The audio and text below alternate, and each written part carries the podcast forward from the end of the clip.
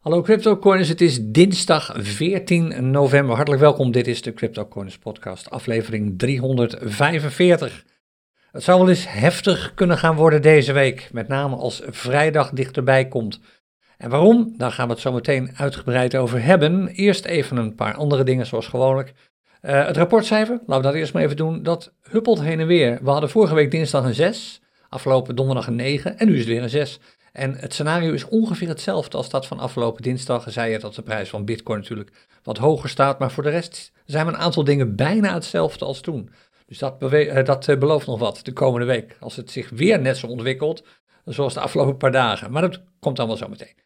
Uh, eerst even een shout-out, heel belangrijk. Misschien weet je het, we doen op dit ogenblik een Crypto Corners Challenge en die blijven we nog even doen ook.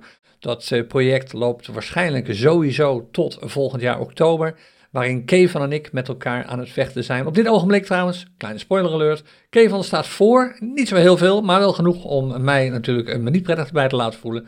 Kevin heeft al een paar winsttrades achter de rug op dit ogenblik. Ik kom heel weinig aan tweede toe op dit ogenblik. Heeft natuurlijk alles te maken met de CryptoCoiners Powerweken, waar ik veel content voor aan het produceren ben. En ook het feit dat er niet altijd charts te vinden zijn op het ogenblik, op het moment dat ik dan wel tijd heb.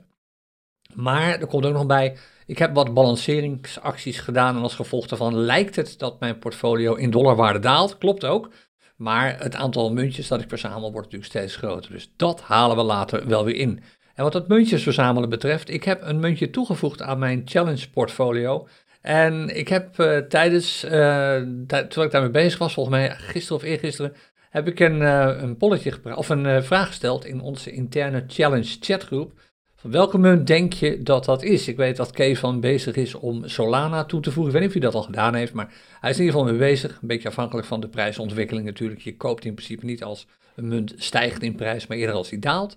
Ik had een andere gekozen en ik had TON gekozen. De TON Coin, T-O-N.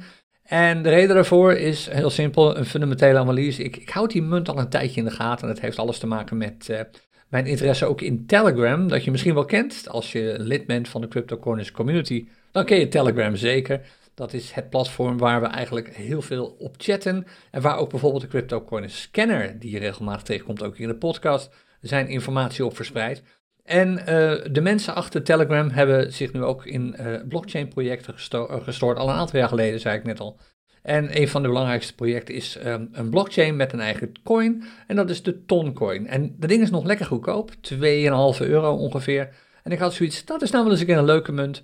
Ook omdat ik vrij veel verwachtingen van die munt heb als het om de toekomst gaat. Niet meteen morgen of overmorgen, maar komende maanden, misschien komend jaar. Vond het wel eens een leuke munt om uh, in de challenge erbij te stoppen. Ik heb niet zo heel veel van die munt.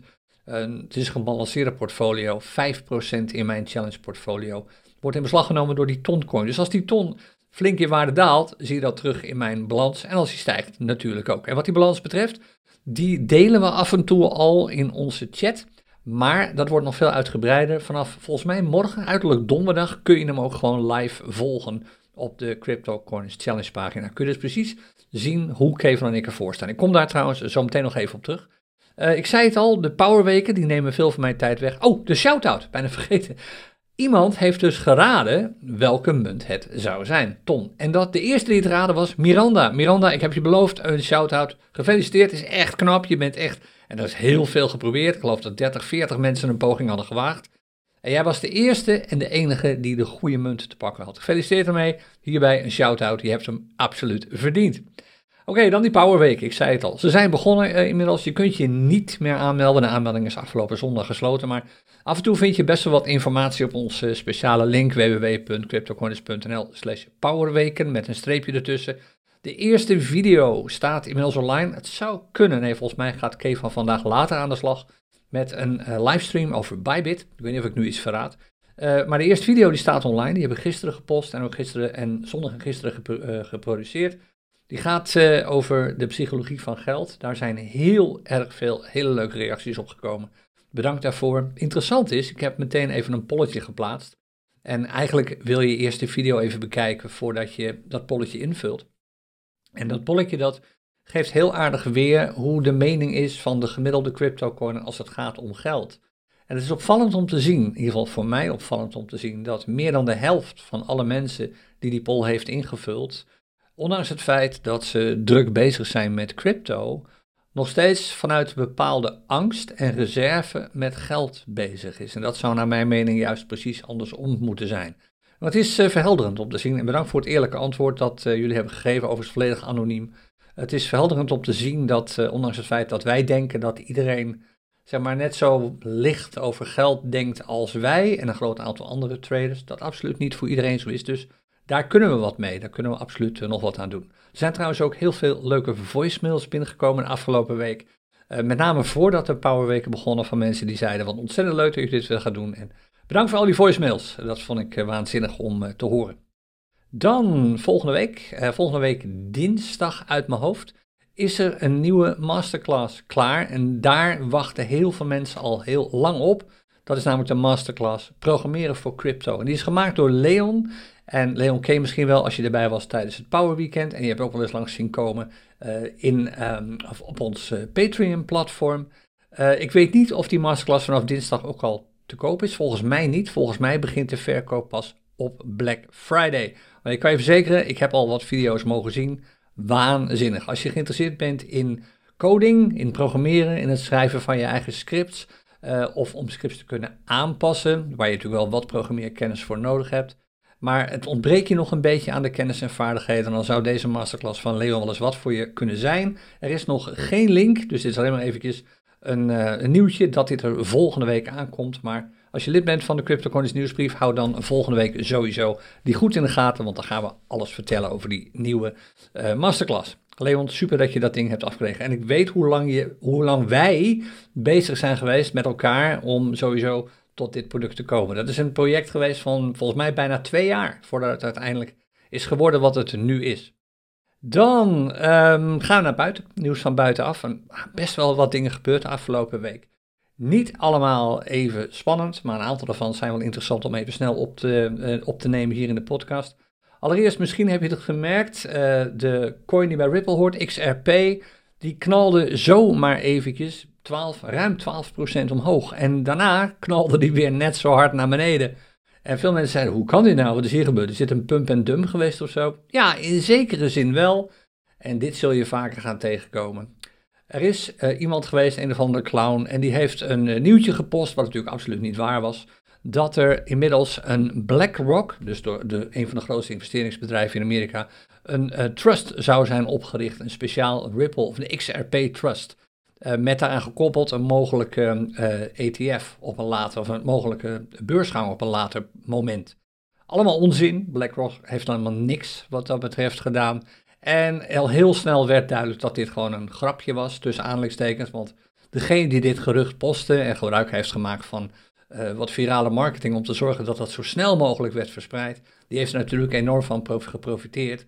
Die heeft gewoon een hele hoop van zijn eigen Ripple natuurlijk met 10% winst kunnen verkopen. Smerig, zoiets, maar ja, het hoort er eenmaal bij. En het laat opnieuw zien dat je ontzettend wilt oppassen. En nooit, ik heb toevallig gisteren over gehad in de een speciale video voor, het, eh, voor de Power Week. Kijk uit dat je niet onderdeel wordt van de kudde die overal achteraan loopt en uiteindelijk natuurlijk gewoon blijft zitten met de brandende puinhopen, zoals hier ook weer is gebeurd. Dan iets anders interessant, dat is dat um, uh, Ether is natuurlijk lekker gestegen de afgelopen week. Uh, knalde eindelijk op een gezonde manier door de 2000 heen. En sterker nog, zelfs even door de 2100 dollar. Maar er is wat waar je misschien rekening mee wilt houden als je belegt op dit ogenblik in Ether of als je van plan bent om dat te gaan doen. Um, een aantal jaar geleden, toen het Ethereum-netwerk van de grond begon te komen, begon te komen hebben mensen als Vitalik Buterin, de, de bedenker van Ether, en zijn compagnons, hebben juridische hulp ingeschakeld van een advocaat, om hen te adviseren over met name de positie van Ethereum en Ether ten opzichte van de Amerikaanse waakhond, de SEC. En het allerbelangrijkste is, ze wilden dat Ether de reputatie had dat het een gedecentraliseerde blockchain zou zijn. Net als Bitcoin en een groot aantal andere munten. Niet allemaal, maar een groot aantal ervan is absoluut gedecentraliseerd.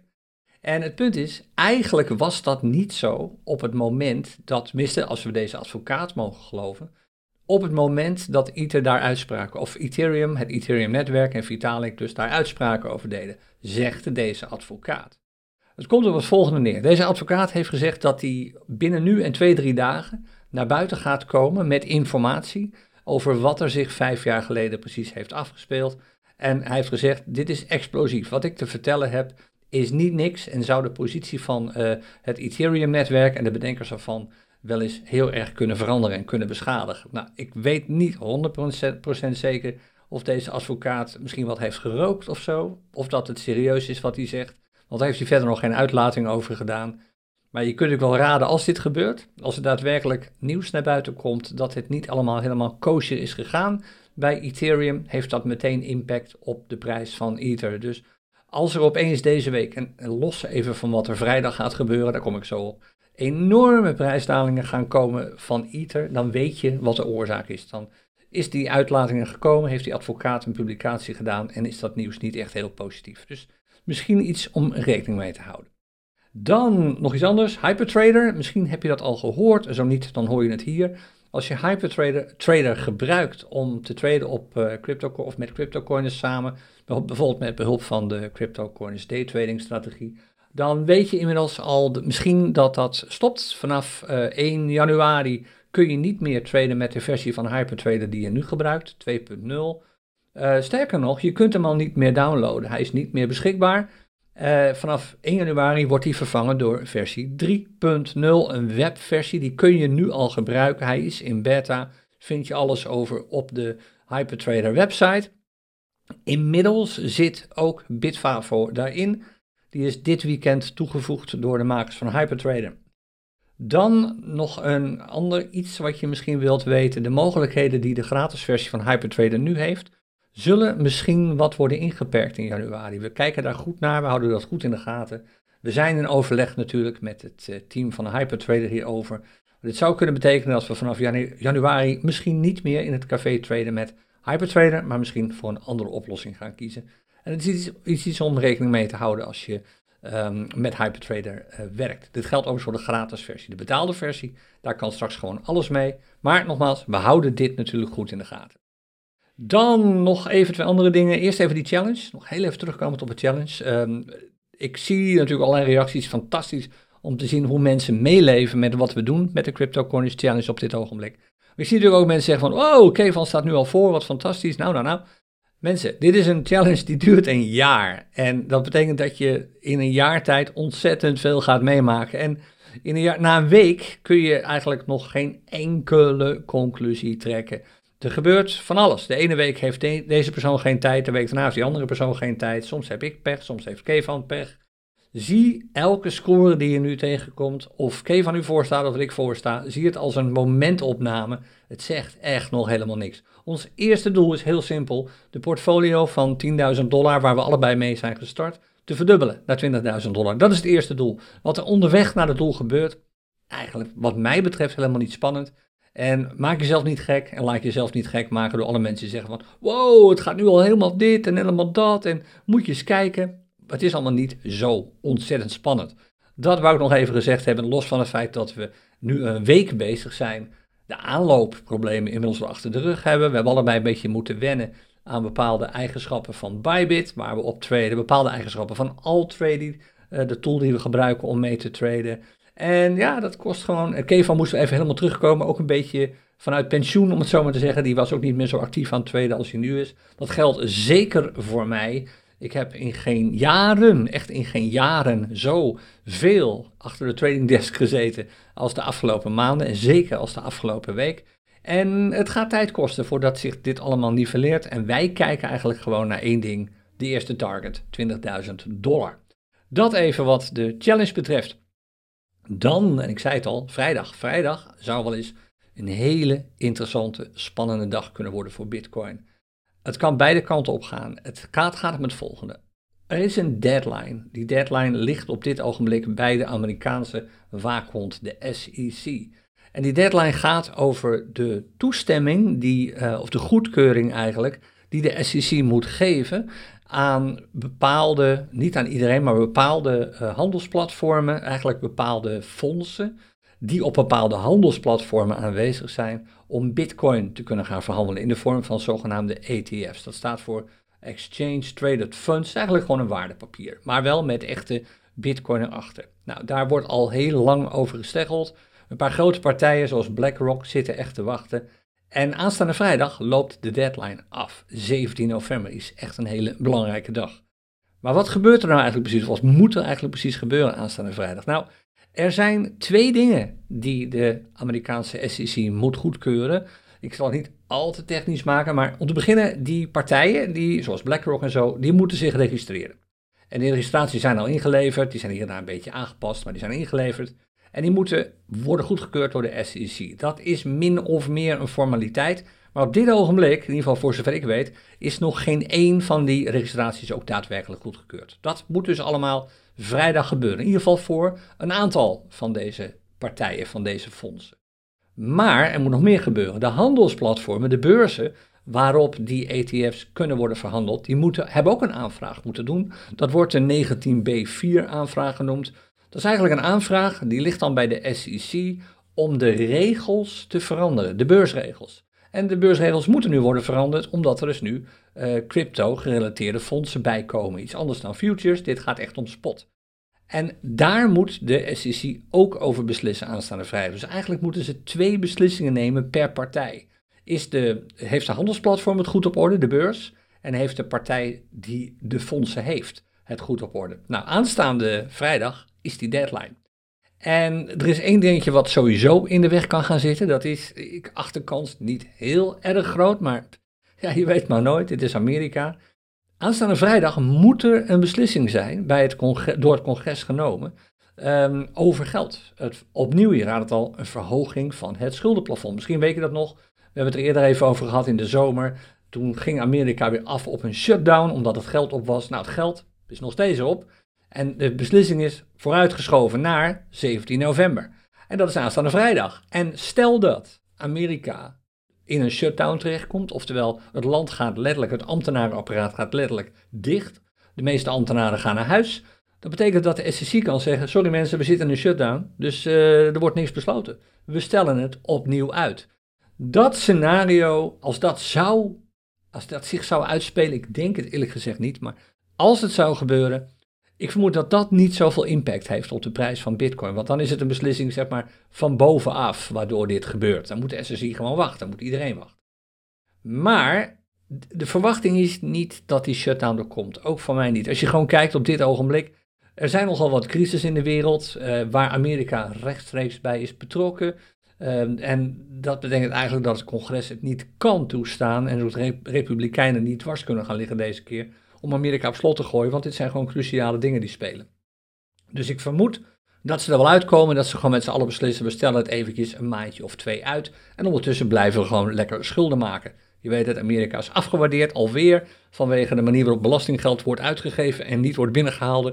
Moody's is heel kritisch geweest over de financiële status van Amerika. Dat belooft nog wat voor Bitcoin. Bullish nieuws dit.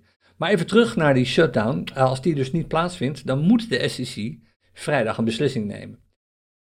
Een groot aantal partijen, waaronder BlackRock en advocaten van BlackRock, verwachten dat SEC goed gaat keuren. Dat ze zeggen: oké, eh, dit is allemaal in orde. Dat betekent niet waarschijnlijk dat die spotmogelijkheden er meteen zijn. Dat duurt waarschijnlijk nog wel een weekje of drie, vier voordat je daadwerkelijk, of voordat met name grote beleggers daadwerkelijk uh, eh, ETF's uh, eh, overeen kunnen gaan handelen op beurzen. Dus ETF's kunnen gaan kopen en verkopen. De verwachting is dat van BlackRock en die advocaten dat dat dus gaat gebeuren. Maar tegelijkertijd, ik, die Gary Gensler, de grote baas van de SEC, ik weet het nog steeds niet. Hij kan net zo makkelijk zeggen, mensen, sorry, nee, het is niet goed. Als dat gebeurt, als aanstaande vrijdag, Gensler zegt, nee, we keuren het niet goed, er moeten eerst nog aanvullende dingen worden gedaan, levert dat een klapje op voor de prijs van Bitcoin. Als hij het gewoon radicaal afkeurt, dan kan dat wel eens een enorme dump van Bitcoin tot gevolg hebben. Niemand weet wat er gaat gebeuren. Kan, ik kan niet in de toekomst kijken. Wat ik zeg is ook alleen maar een verwachting. En zeker geen advies om vooral Bitcoin te gaan kopen of te gaan verkopen. Dat wil je echt helemaal zelf beslissen op basis van je eigen onderzoek.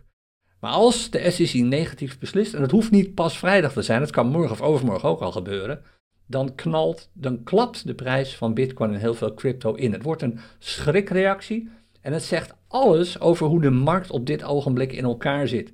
Bij het minste gerucht van iets dat zich helemaal buiten de cryptowereld afspeelt, namelijk een ETF die wordt goedgekeurd, een, een XRP-fonds dat wordt opgericht, whatever, schieten die prijzen alle kanten op. En dat zegt dat mensen al lang niet meer bezig zijn met de waarde van bitcoin en andere cryptomunten, maar met de prijs ervan. Dat zie je trouwens in de aandelenmarkt ook terug. En dat is natuurlijk geen, dat maakt het niet al te makkelijk om hier op te traden. En als belegger moet je heel goed uitkijken waar je nou eigenlijk mee bezig bent. Ben je nou iets aan het kopen omdat het duur is? Of ben je iets aan het kopen omdat het een bepaalde waarde heeft en de prijs onder die waarde zit bijvoorbeeld?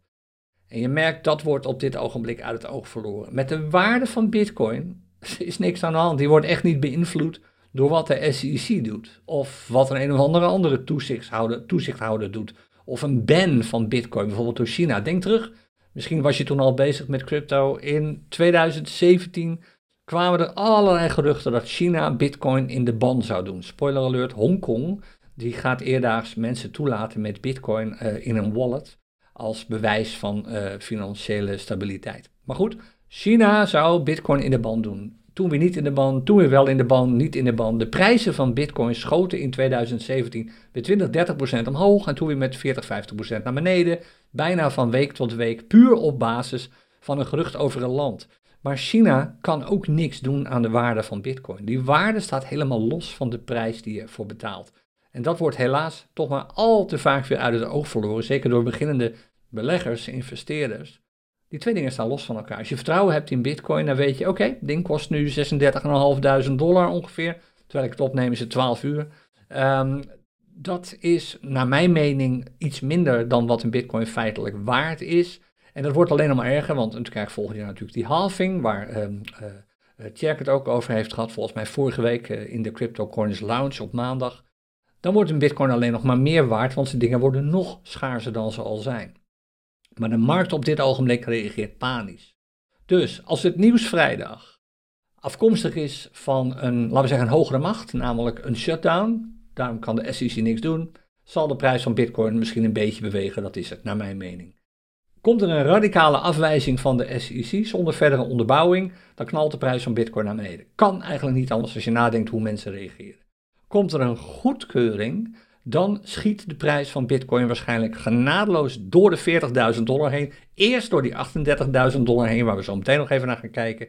En daarna door de 40.000 en is wat mij betreft de weg naar 50, misschien wel 60.000 dollar heel realistisch. Iets om eh, in de gaten te houden, iets waar je gewoon zelf uh, wat je zelf kunt gaan meemaken, zoals een van onze creators regelmatig zegt. Dus ik ben ook heel benieuwd hoe dit zich ontwikkelt.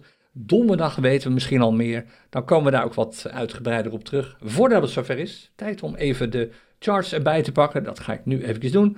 Als het goed is zie je nu ook uh, de chart in beeld. En de eerste chart die we erbij pakken is, omdat er een nieuwe week is begonnen gisteren, natuurlijk de Bitcoin weekchart. En wat die weekchart betreft, we zijn nog steeds bullish. En het is eigenlijk min of meer hetzelfde als wat ik vorige week zei, een paar dingen zijn veranderd. Alles staat nog steeds min of meer op groen. Uh, een van de dingen die je wel in de gaten wil houden, is trouwens de dagchart waar je naar kijkt. Dit is de weekchart. Wat je wel in de gaten wilt houden, is die MA50 hieronder en die MA200 die hierboven loopt.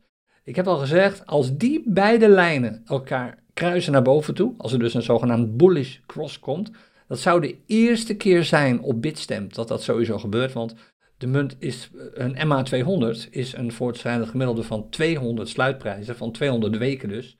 Dat is korter, dat is, de, bitcoin staat iets langer dan vier jaar op, uh, op Bitstamp. Dat betekent dat is, nog, is te kort eigenlijk om al heel veel concrete crosses te kunnen hebben gezien. Maar er zou er nu eentje kunnen komen. Dat zeg ik nu al een paar weken. En je ziet al een paar weken lang die prijs, of die MA50, die over een jaar gaat, de afgelopen 50 weken, steeds dichter in de buurt van die MA200 komen. Zolang de prijs boven die MA200 blijft, en de MA200 staat nu ongeveer op 28.800 dollar. Zolang de prijs daarboven blijft, dan is het een kwestie van wachten. Ik denk een week of vier, nog steeds vanaf nu gezien, voordat die MA20, oh sorry, MA50 door die MA200 heen breekt. Dat is een extreem bullish signaal. Dat eh, is eigenlijk min of meer een voorspelling dat we grote hoogtes gaan zien als het om de Bitcoin-prijs gaat. Maar als het niet gebeurt, als de prijs dus deze week bijvoorbeeld eens tankt en zomaar onder die 28.000 en misschien wel onder de 26.000 komt, waar nu die MA20 staat, ja, dan eh, is laat opnieuw gewoon eigenlijk de chart alweer zien dat die weerstand gewoon te groot is op dit moment. En er ook niet echt reden is voor hogere prijzen, omdat de situatie in de wereld verder natuurlijk er niet beter op is geworden. Verder, wat zien we nog meer? OBV, die is nog steeds bullish, was hij al. We hebben een higher high trouwens opgeschreven vorige week. Volgens mij hadden we die al toen ik de podcast opnam, vorige week dinsdag. Uh, toen hadden we die prijs al bereikt, maar daar is de, is de prijs verder ook niet meer boven. Nee, dat is niet zo. Dit is uh, donderdag gebeurd natuurlijk. Afgelopen donderdag heb ik een podcast opgenomen, daar kom ik zo nog even op terug. En gezegd, als de prijs, want daar stond, daar stond hij toen nog niet, in de buurt van de 38 gaat komen, dan gaat hij zijn kop stoten. Dan gaan we waarschijnlijk eh, flinke prijsdalingen zien, want daar zit een hele hoop weerstand op dit ogenblik. Daar komen we zo meteen op. Maar de prijs is in de buurt van die 38 gekomen. Op uh, Bitstamp was het uh, eh, 37.978 dollar vorige week. En dat is ook meteen de hoogste prijs die is bereikt. Weekchart blijft voorlopig gewoon bullish. Waar ik op let, die MA en die MA, die MA50 en die MA200 dus.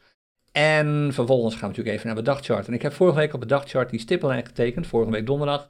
Toen waren we daar nog niet, volgens mij stonden we toen met een prijs van rond de 36.500 of zo. Daar nog wel een stukje onder.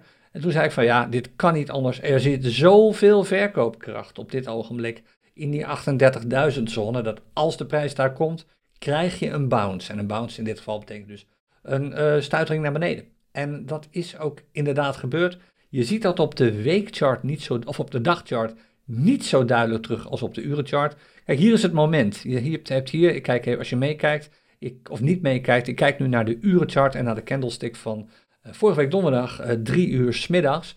Toen ging de prijs in één klap omhoog. En dat kwam ook opnieuw weer door goed nieuws, een gerucht van goed nieuws, dat de SEC toch wel heel erg uh, in gesprek was. En dat het allemaal wel goed zou komen. De prijs van Bitcoin ging er nog eens een keertje met 1,8% op vooruit.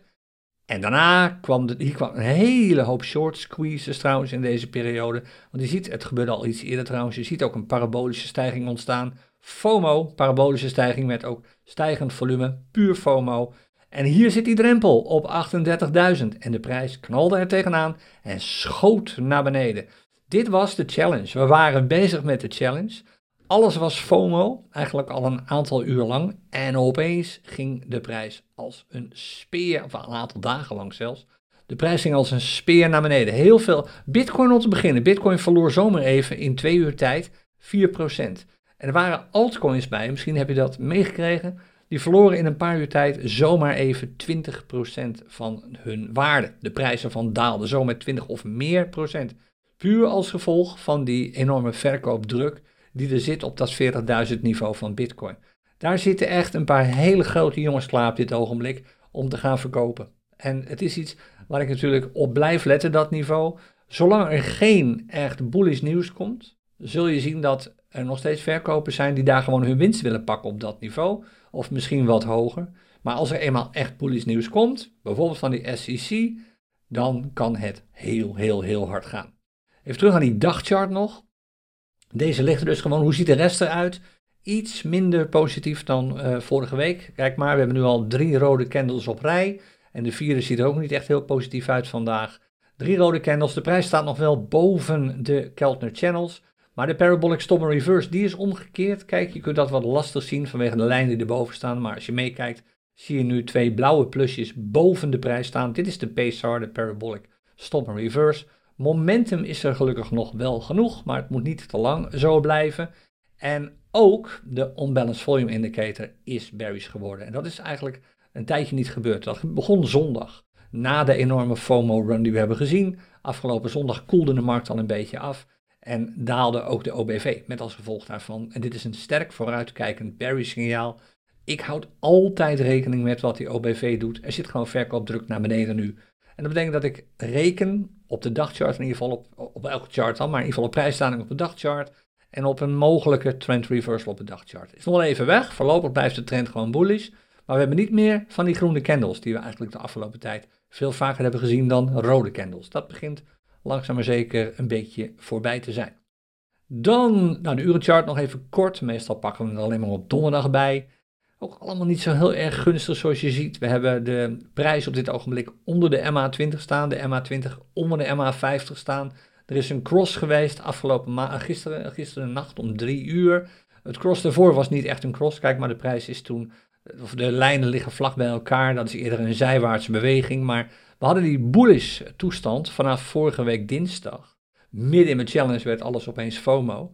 Eh, de challenge was echt net begonnen en opeens alles ging als een speer omhoog. We hebben veel geld laten liggen tijdens de challenge, omdat we besloten hadden toen nog om niet de FOMO-FUD trading strategie te gebruiken, onderdeel van de swing trading methode van cryptocoiners. Hier hadden we heel veel geld kunnen pakken, probleemloos. Kevin heeft dat waarschijnlijk ook wel gedaan op zijn eigen portfolio, buiten de challenge om. Het zou me niet verbazen. En inmiddels is dat voorbij. Kijk, de FOMO-druk is weg, de prijzen komen bij elkaar, bewegen niet zo heel veel van Bitcoin. En op dit ogenblik zie je eerder, het is nog absoluut geen FUD, maar je ziet eerder het tegenovergestelde ontstaan op dit ogenblik. De prijs zit onder de MA20, de MA20 zit onder de MA50 en ze liggen ook gezond ver uit elkaar. Dus er is volatiliteit bij een dalende prijs. En dat is een voorteken, als dit lang zo blijft, voor wat er met de dagchart gaat gebeuren, een mogelijke trend reversal. Maar dan hebben we nog wel flink wat meer van dit soort dingen nodig. Kijk, we hebben een aantal keer op rij nu gezien dat we echt periodes hadden. Hier, periode, hier al, periode 1 in uh, oktober, eind oktober. Periode 2, 2 november. Periode 3, 5 november. Periode 4, 8 november. We hebben dus een aantal periodes van bullish trends gezien. We hebben nog niet zo vaak dit soort scenario's gezien. Eén keer, en dat was op 3 november, vorige week. Nogmaals, dit is de urenchart. Hè. Dit moet dus niet te lang duren. Als dit te lang gaat duren, en dat gebeurt een paar keer achter elkaar, ja, dat is een voorteken. Dus daar zitten we niet op te wachten. Heel veel gaat toch afhangen van wat die SEC vrijdag doet, maar dat zal geen nieuws voor je zijn. Hoe is het met goud? Goud was berries, goud is nog steeds berries trouwens. Maar we zien langzaam maar zeker weer wat groene candles ontstaan. Het lijkt erop Helemaal zeker weten doe je het niet, want we zijn nog in opbouw wat de candle van vandaag betreft. Maar je ziet de candle van gisteren heeft waarschijnlijk de low bereikt. 1931 dollar. Dat is een mooie trough. Uh, en dat betekent dat we op weg gaan naar een nieuwe piek. Als die piek hoger wordt dan de vorige, en die ligt op uh, het niveau van vrijdag 27e, twee weken terug, iets boven de 2000 dollar, dan gaan we waarschijnlijk op weg naar een nieuwe all-time high. Dit is gewoon, wat mij betreft, echt een kwestie van tijd. Want de goudprijs hangt af op dit ogenblik van twee dingen. Allereerst, wat doen de aandelen? Wat doet het bedrijfsleven? Wat doet de economie? En twee, wat doet Bitcoin? En als Bitcoin straks knalt naar beneden, dus eigenlijk klapt, dan is er een grote kans dat de goudprijs stijgt. Want beleggers die hebben het al lang gehad met de aandelenmarkt. Kan haast ook niet anders. Aandelen zijn zwaar overgewaardeerd. En gaan dus op zoek naar vaste waarden zoals goud en, als Bitcoin, en Bitcoin. En als Bitcoin niet meewerkt, dan wordt het goud. Dus ik verwacht bij een dalende Bitcoinprijs, als dat gaat komen, de snel stijgende goudprijs. En andersom, als de SEC goed gaat keuren aanstaande vrijdag, ik weet het niet hoor. Als je het mij zou vragen, ik denk het niet. Ik, ik zie dat niet. Die Gary Gensler, kansloos type. Ik zie het gewoon niet gebeuren. Deze man heeft een ego dat veel groter is dan het belang dat de SEC eigenlijk zou moeten vertegenwoordigen, namelijk het belang van beleggers en investeerders. En de SEC is al lang niet meer bezig met dat belang. En dat komt met name natuurlijk door de voorzitter, Gary Gensler, die overigens, misschien heb ik het laatst al verteld, uh, eigenlijk niet meer dan een dollar per maand zou mogen verdienen als het gaat om een congreslid dat daar een wetsvoorstel van abonnement heeft uh, ingediend. Oké, terug naar uh, goud. Goud is op dit ogenblik nog steeds berries, maar de trough is waarschijnlijk wel bereikt. Dit wordt ook interessant om in de gaten te houden de komende paar weken. Hoe ziet het er dan uit op Wall Street? Nou, vorige week, uh, de laatste podcast, donderdag hadden we 40 staan als uh, waarde hier. Nu staat het 41, dat maakt dus eigenlijk helemaal niks uit, gewoon dezelfde waarde. De aandelenmarkt is angstig, is ook niet zo vreemd, want Amerika, we hebben hem in Nederland al te pakken, al ruim te pakken, al drie maanden. Ik las net in de Telegraaf, vlak voordat ik begon met de opname van deze podcast, dat de, Nederland in, voor het derde kwartaal in een recessie zit.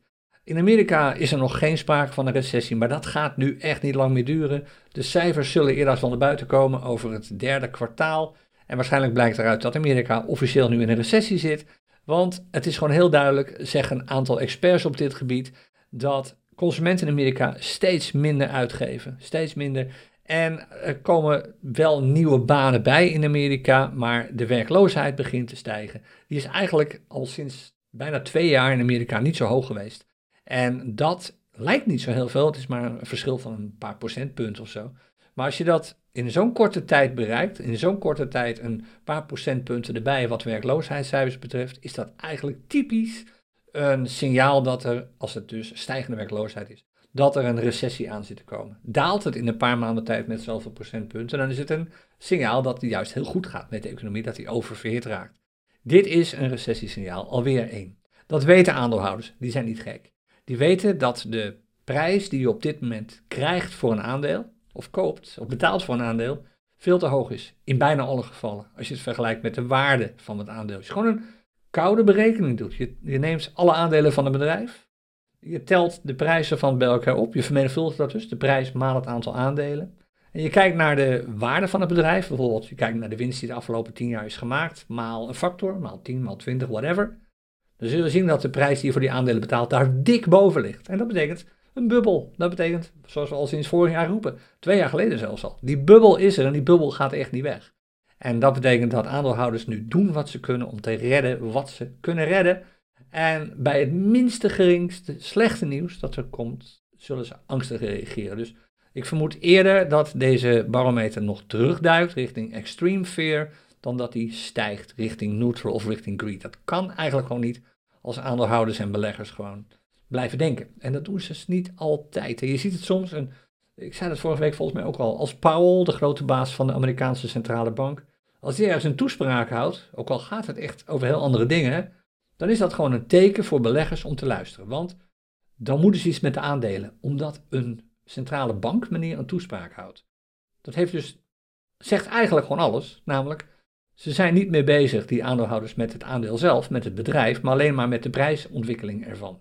En dat is een ongezonde positie om in te zitten als aandeelhouder. Daar wil je eigenlijk gewoon uit. Maar dat kan niet als je gewoon bent verrast door de enorme inflatie, door de enorme crisis, economische crisis die ontstaat, de schaarste van geld op het ogenblik, de coronacrisis, noem maar op en zo. Lastig om op dit ogenblik in te zitten. Nog twee dingen. Zijn we klaar met deze wat langere aflevering? Ik zei het net al tegen mensen in de studio, want uh, die zijn er op dit ogenblik. We zijn uh, met een uh, aantal mensen, 130 mensen, zitten op dit ogenblik mee te kijken live naar deze podcast-opname. Als je dat zelf een keer wil meemaken, we nemen de podcast eigenlijk elke dinsdag live op. Donderdags niet, maar dinsdags wel.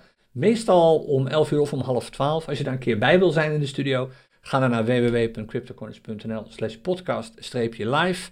Dan uh, ben je er ook. En dan kun je meepraten. Na afloop van de podcastopname kletsen we nog even na, beantwoord ik nog wat vragen. Gaan we nog wat dieper in op uh, materie. En het is misschien vind interessant om gewoon eens te kijken hoe dat allemaal gaat, zo'n opname. Goed, naar de heatmap. De heatmap vorige week. Uh, eh, liet een mooie slide zien, of een mooie eh, screenshot zien van de heatmap. Afgelopen week, vanaf uh, zeg maar, toen we net met de challenge waren begonnen tot en met zondag, die was groen en bijna donkergroen. Zo snel kan het keren. Op dit ogenblik is de dag heatmap. En ik heb besloten om echt ook alleen maar, net als Coin360 doet, de 100 coins erbij te pakken. De 100 coins met het grootste marktaandeel. De grootste market cap eigenlijk en de rest laten liggen. En dan zie je dat er bijna een FUT-situatie begint te ontstaan. Nog niet helemaal, want het is eerder nog overtuigend roze, maar het begint al wat donkerrood te komen. Donkerrood is een FUT-teken. Deze munt, Sol, Solana, is natuurlijk gigantisch gestegen de afgelopen week. Knalt nu ook net zo hard weer naar beneden. Kronos ook, die is echt enorm gestegen. Knalt ook nu wat naar beneden. Hier wordt gewoon winst genomen. Dus dit is waarschijnlijk niet zo heel spannend. Je wilt goed in de gaten houden wat er vrijdag gebeurt. Tot vrijdag is er zoveel spanning in de markt. En zoveel. Uh, kijk, als vrijdag die goedkeuring komt, zul je hele lange periodes alleen maar groen zien. Maar gebeurt het niet, ja, komt er een uitstel van uh, executie, dan blijven we dit soort scenario's meemaken. Van FOMO naar FUT, van FUT naar FOMO. En wordt er positief beslist, nou hou je dan maar vast, donkergroen, alles donkergroen. Nu op dit ogenblik roze, dat betekent prijsdalingen gemiddeld gezien van tussen de 0 en 2, 3 procent misschien. En af en toe wat donkerrood, zoals je hier ziet. En dat betekent in de gaten houden, dit, dit is natuurlijk de prijs van deze munten in dollars uitgedrukt. Dat maakt het op dit ogenblik niet meer zo heel makkelijk om lange long trades te gaan doen, ook niet in onze challenge. Dus ik heb, kan niet voor Kevin praten, maar ik ben voornamelijk op dit ogenblik weer gefocust op charts met signalen die aangeven dat uh, een uh, short doorbraak is of een, een uh, bearish doorbraak is, zodat ik een short positie kan nemen. Op dit ogenblik dus niet, want podcast, maar misschien dat ik vanmiddag nog even kan traden. Maar wat zegt de barometer hierover? De barometer van onze CryptoCoins scanner, die heb ik hier ergens. Die spuugt de ene na de andere melding uit, zoals je op het ogenblik ziet. Diezelfde barometer gebruiken we trouwens ook elke woensdagavond in het CryptoCoins Café. Afgelopen woensdag was ik er ook weer. Hebben we ook live gehandeld op Qcoin voor spot trades. Dus gewoon zeg maar traden zoals we allemaal ooit zijn begonnen, denk ik. Dat doen we op uh, Qcoin met behulp van uh, Hypertrader en de CryptoCoin Scanner voor Uh, future trading, wat we doen in de CryptoCoins Challenge, maken we gebruik van Bybit, dus een ander platform.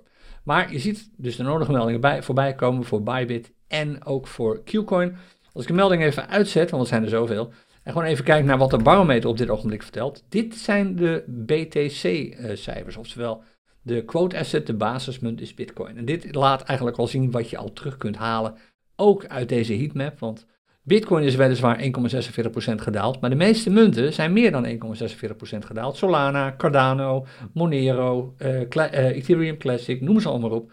En dat betekent dat de prijs van die munt, als je ze met Bitcoin moet kopen, lager is geworden.